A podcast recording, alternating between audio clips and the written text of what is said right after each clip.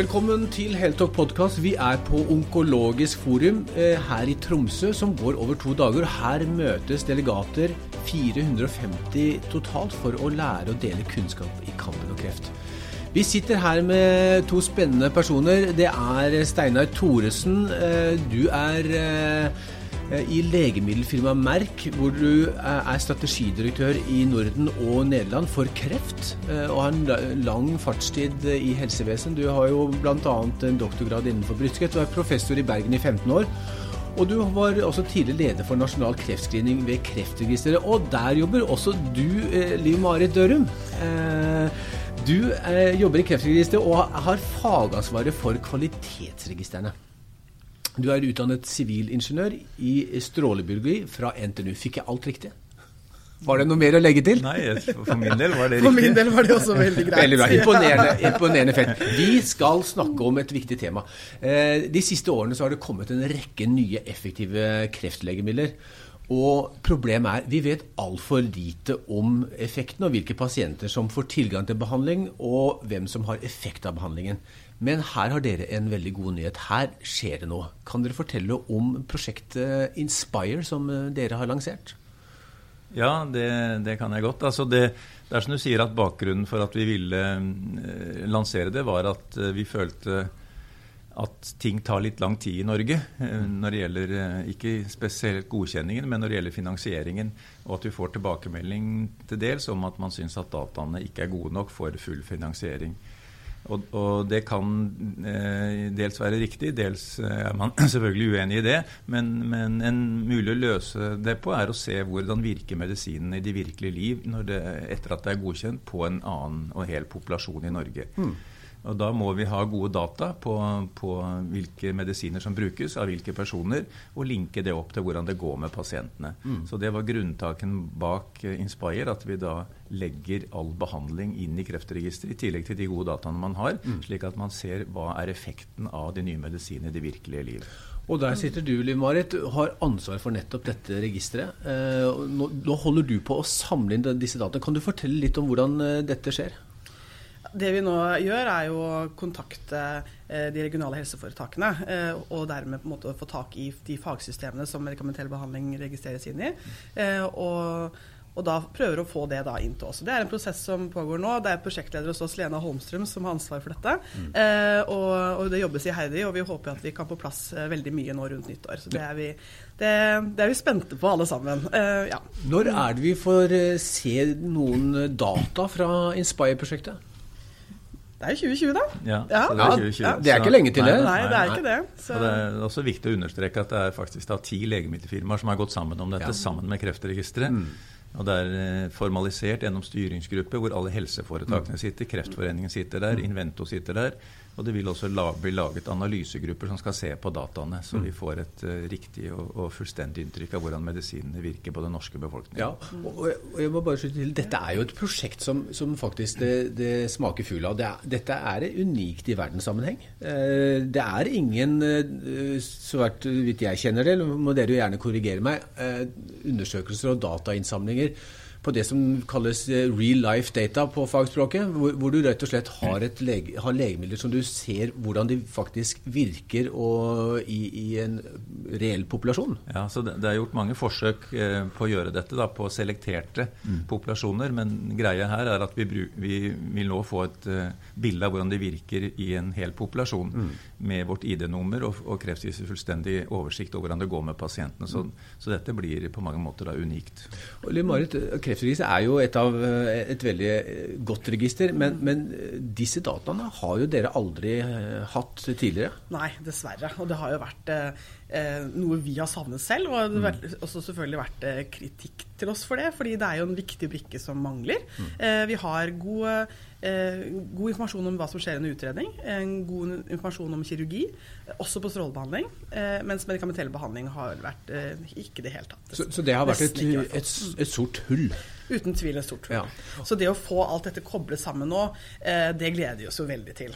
Både å få sett på Nå er det jo noen, det er jo noen legemidler som bare er legemidler i seg selv, men tenk i samme, sammenheng da med før og etter operasjon, i sammenheng med strålebehandling. Så dette her er unike muligheter. Vi skal se på hva, Hvilke verdier har dette for pasientbehandlingen, den fremtidige pasientbehandlingen i Norge?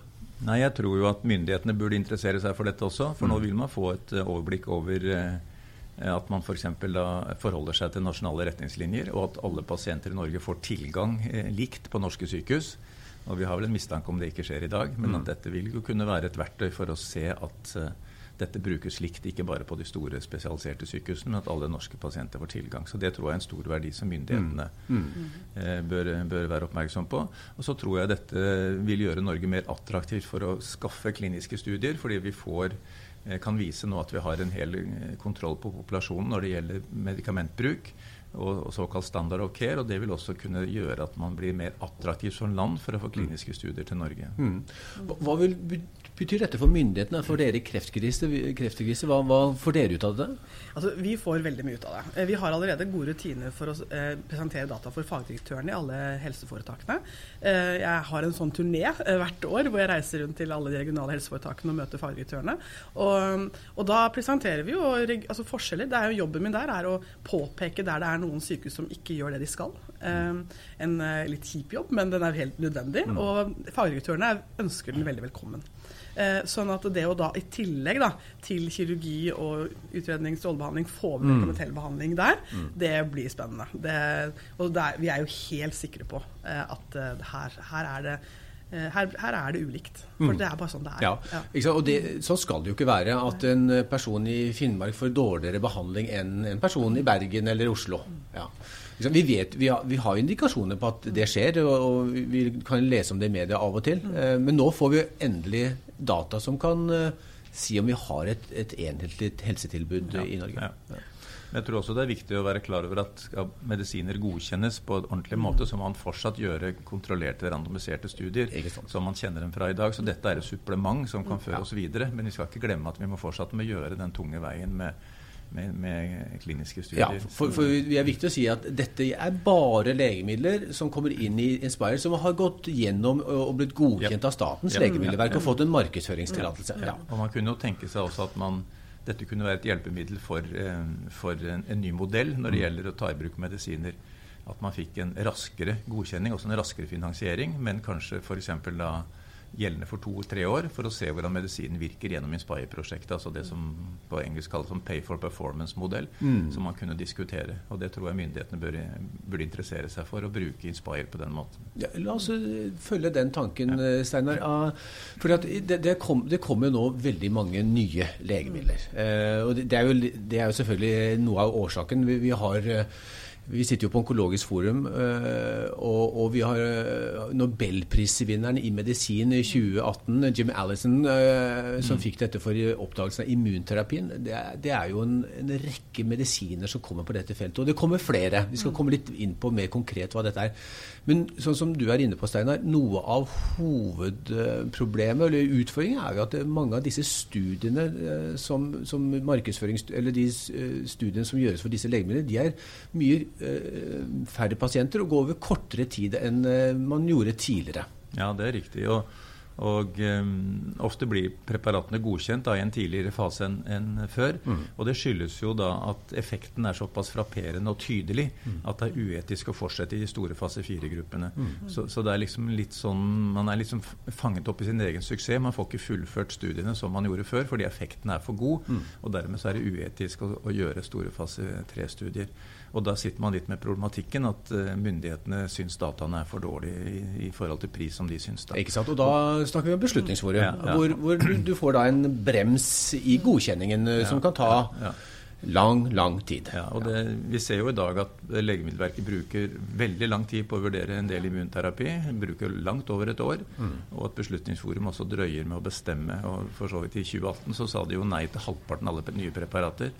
Og jeg tror at et sånt Inspire-prosjekt vil kunne hjelpe myndighetene til å kunne ta sikrere og gode beslutninger tidligere. Mm. Limarit, hva tenker du om den problematikken? Nå sitter jo du på myndighetssiden. Så, ja. så jeg tror ikke jeg skal uttale meg like krass som Steinar om Beslutningsforum og de prosessene som er der. Eh, men, eh, men, eh, vi har jo allerede fått henvendelser om det å være en fase fire-substitutt. Mm. Det var jo på, nå på Colita bl.a. Og mm. jeg, tror det er veldig, jeg tror det er ingen tvil om at det er der vi kommer. At vi, at vi kan, man, tar, man kan godkjenne, menn da med det forbeholdet. Og mm. da blir det viktig å få det inn i registrene så raskt som mulig og koble det på de dataene vi har der. Ja. Så den, den, rollen er vi for så vidt allerede klar til å ta. Mm. Eh, gjennom, vi har begynt mm. allerede med noen møter i høst. Så, så, det, så det, som vi kan se for oss, er at, uh, at Beslutningsforum og, og, og Statens legemiddelverk som gjør metodevurderinger, at de kan kanskje tenke som så at uh, ok, her er det bare en studie på 50 eller 100 personer over en kortere periode. men Heldigvis så har vi Inspire, så vi kan si ja til legemiddelet, og så kan vi overvåke det. Og så kan vi,